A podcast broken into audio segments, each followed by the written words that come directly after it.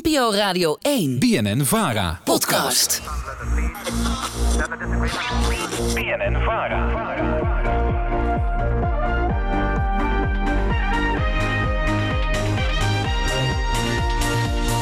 Patrick Lodiers. De Nieuwsbv. Een bijzonder goedemiddag. Vandaag is het documentaire Suzanne en Freek te zien op Netflix... waarin het muzikantenduo een jaar lang werd gevolgd. En ze zijn natuurlijk niet alleen een muzikaal duo, maar ook een liefdeskoppel. En met dat in ons achterhoofd duiken we in de geschiedenis... en bespreken we andere muzikale liefdesduo's. Dat leverde echt prachtige hits op, maar soms liep het ook wel eens helemaal verkeerd af. Dat zometeen, nu eerst. OO Den Haag. Gert-Jan Segers vertrekt als politiek leider van de ChristenUnie. Tweede Kamerlid Mirjam Bikker volgt hem op... en dat maakt haar de eerste vrouw die een christelijke partij gaat leiden. We praten over het eh, vertrek van, eh, van Gert-Jan Segers... en de vrouwen die een sleutelrol bekleden in, eh, op verschillende posities bij de ChristenUnie. Dan doen we met politicoloog Julia Wouters... en oud Tweede Kamerlid van de ChristenUnie, Joel Voordewind. Beide goedemiddag. Goedemiddag. Eh Joel Voordewind, ja, snap je dat de heer Segers vertrekt? Ja, ik snap het wel. Ik heb hem eh, van dichtbij natuurlijk meegemaakt al die jaren. En eh, alleen maar respect voor eh, de enorme bevlogenheid die hij had. Maar ook de persoonlijke insteek die hij had. Hij had altijd wel even een persoonlijk woordje voor iedereen. Ehm, ook in het land. fractievoorzitters of raadsleden van ons ergens in Tjerkstraatdeel of waar dan ook. Hij kende ze vaak ook persoonlijk. Ehm, en je moet op zoveel dossiers ook scherp zijn. En ja, we hebben nu dan het derde kabinet meegemaakt waar we in zitten. En dat is eh, ja, nog een keer extra schakelen als politicus. eh, ook in de, in de weekenden. Eh, er gebeurt altijd wel wat. En dat wordt, er wordt altijd wel afgestemd met de fractievoorzitters. Dus het is een enorme slurpende baan. Dus ik gun hem nu een beetje wat rustigere periode. Ja, dat zal wel lukken. Maar nu Mirjam Bikker aan het roer. Wat vind je daarvan, Ja. Joel? Ja, ook een goede. Ik ken haar vanuit eh, de fractie. Ze is ooit eh, bij ons begonnen als beleidsmedewerker. Toen was ze ook al raadslid in Utrecht. Dat combineerde ze. Toen werd ze fractievoorzitter daar. En uiteindelijk eh, natuurlijk de Eerste Kamer in. Dus ze loopt al heel lang mee binnen de partij en binnen de politiek. Dus ze heeft heel veel ervaring. Ze is gedegen. Eh, ook benaderbaar. Ze is altijd makkelijk eh, in een praatje. Eh, dus ik denk dat ze het heel goed gaat doen. Ja, en Julia, Julia Wouters, ja, met, met Mirjam Bikker aan het roer... hebben we dus negen vrouwelijke fractievoorzitters in de Tweede Ja. Kamer... van de twintig fracties. En, ja, het begint ergens op te lijken. en, en nu ook de eerste vrouwelijke politiek leider van een christelijke partij. Ja, je zegt het begint ergens op te lijken. Jij bent eh, eh, als feministe erg in je nopjes. Nou, niet, kijk, als feminist ben ik ergens in mijn, erg in mijn nopjes. Want dan wil ik ook heel graag een agenda die heel erg de vrouwenstrijd steunt. Eh, maar gewoon vanuit ehm, gelijke rechten en een goede volksvertegenwoordiging ben ik ook heel erg voor een mooie afspiegeling van het volk. En eh, nou ja, Nederland bestaat eh, de laatste keer dat ik checkte voor de helft uit vrouwen. Dus dan zou het ook mooi zijn als je dat terug ziet in de politiek. Nou, je ziet dat dus bijna bij eh, de, de fractievoorzitters. Maar de ChristenUnie, die, ja, ik zei het al... behoorlijke sleutelposities door vrouwen bekleed. Kan je eens even opnoemen? Eh, nee. ik ben altijd heel slecht in namen. Maar ze hebben in de Eerste Kamer, in de Tweede Kamer... en ook de eh, partijvoorzitter is volgens mij nu een vrouw. Maar dat weet je wel waarschijnlijk beter, hè? Ja, we hebben nu op alle sleutelposities ongeveer een eh, vrouw zitten. En er komt zelfs ook weer een vrouw aan.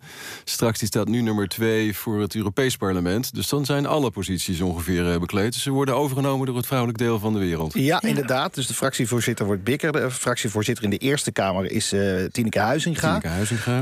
Landelijk bestuur, eh Aniek. Ankie van Tatenhoven. Precies, directeur Ja. van het Wetenschappelijk Instituut van jullie. Ja. Weet je, het- weet je dat ook nog? Eh, Palm. Tineke Palm. Ja. Precies. En Trineke eh, Palm, dan ja. hebben we natuurlijk ook nog eh, de minister van eh, eh, Armoedebeleid, Participatie en Pensioenen. Dat is. eh, Vicepremier. eh, kijk, mevrouw Schouten. Eh, Ja. Is, is, ja, eh, Julia, is, is eh, de ChristenUnie hier, hierbij ja, echt wel een, een voortrekker? Nou, grappig genoeg wel. En dat waren ze al heel lang. Ik heb wel eens gekscherend gezegd dat de ChristenUnie de meest geëmancipeerde partij van Nederland is. Eh, dat betekent niet dat ze altijd in mijn ogen hele emancipatoire of feministische standpunten hebben. Maar het grappige is wat je ziet als juist een partij zich er wel van bewust is dat ze misschien een wat conservatieve vrouwbeeld hebben, dat ze daar. Dat eh, herken ik niet zo hoor, moet ja. je meteen zeggen. ja, Dat Ehm, positieve beeld. Nee, want dat ze inderdaad, ehm, als je je bewust bent in ieder geval dat dat beeld over jou bestaat, misschien is dat dan een, eh, een veiligere manier van het te formuleren, dat je daar actiever mee bezig bent. Je ziet heel vaak in juist partijen die zich er heel erg op voorstaan dat ze heel erg bezig zijn met de emancipatie en gelijke rechten, dat ze denken, nou wij zijn hier allemaal feminist en dus kunnen we net zo goed alle mannen de boel laten trekken. In die tijd dat Carola Schouten nog ehm, de nummer twee op de lijst stond, heeft zij in de, dus dat was het kabinet Asje Rutte, heeft zij alle grote akkoorden die er toen gesloten, zat zij aan tafel. En dan zat ze in er eentje aan tafel met 16 mannen. Ehm, en dat is wel grappig als je dan denkt van oké, dat zijn dus allemaal partijen die zich enorm op de borst slaan dat ze zo voor gelijke rechten zijn met vrouwen. Maar als er wat belangrijkste bespreken is, moeten alle vrouwen in de coulissen verdwijnen.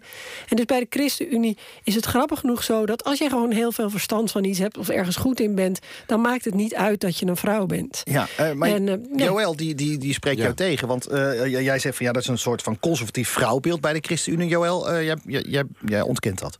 Nooit iets van gemerkt, moet ik je eerlijk zeggen. Nee, het is heel, uh, heel natuurlijk gegaan. Uh, natuurlijk vond de partij het belangrijk dat we een goede afspiegeling waren, ook van onze achterban. Uh, daar zijn ook veel vrouwen tegenwoordig natuurlijk actief. Um, maar ze waren er ook gespinst op dat het een, gemixt team was. Want ja, de partij vindt, en ik vind persoonlijk ook, dat het veel leuker is om binnen een fractie te werken of binnen een team te werken, als daar ook vrouwen van, van deel uitmaken. Het geeft toch een andere sfeer.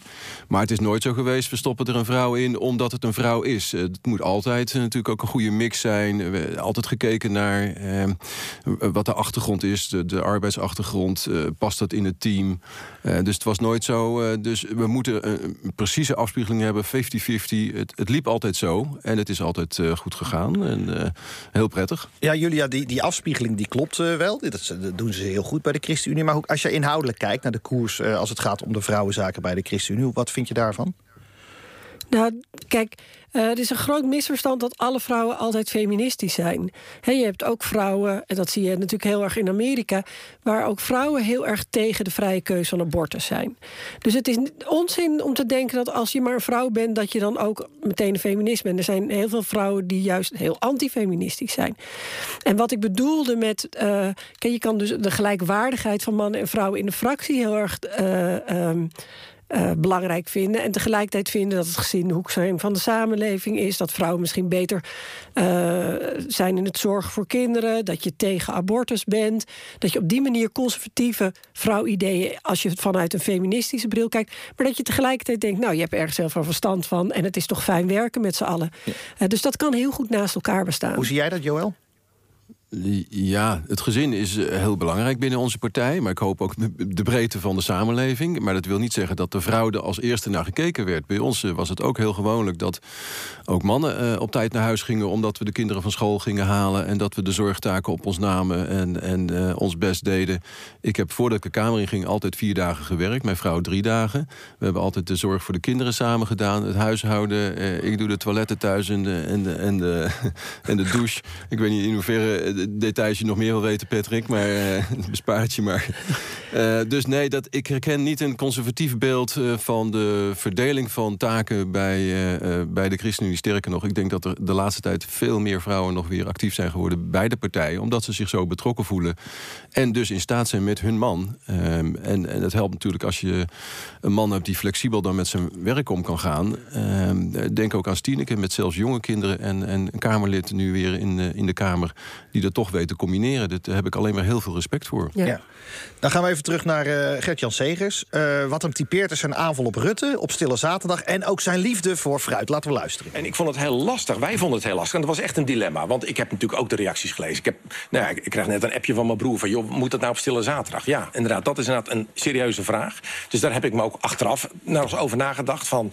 Had ik er anders mee om kunnen gaan? Maar was het de enige maar, keuze voor u? Nee, natuurlijk is dat nooit de enige keuze. Ik had beter en scherper onderscheid moeten maken tussen het openbare formatiedossier en het besloten deel van de onderhandelingen. Beste mensen, regeren is niet alle dagen feest. Soms moeten we een meloen doorslikken, omdat we onze coalitiegenoten ons woord hebben gegeven. Ja, uh, Joël, ik begin even bij jou. Wat zeggen ja, deze uitspraken ja. over het leiderschap van, van Segers? Nou, dat hij eerlijk in de spiegel durft te kijken en zegt... Uh, op het moment dat ik voor mijn beurt heb gesproken... iets niet correct heb gezegd... Uh, dat hij daar dan ook uh, ronduit voor uitkomt en zegt... dat had ik niet moeten doen. En met betrekking tot die stille zaterdag... ja, volgens mij heeft hij binnen twee of drie dagen daar toen al afstand van genomen... gezegd heeft, ik heb te snel vanuit mijn hart gesproken. ik had dat niet moeten doen, ik had er een nachtje over moeten slapen.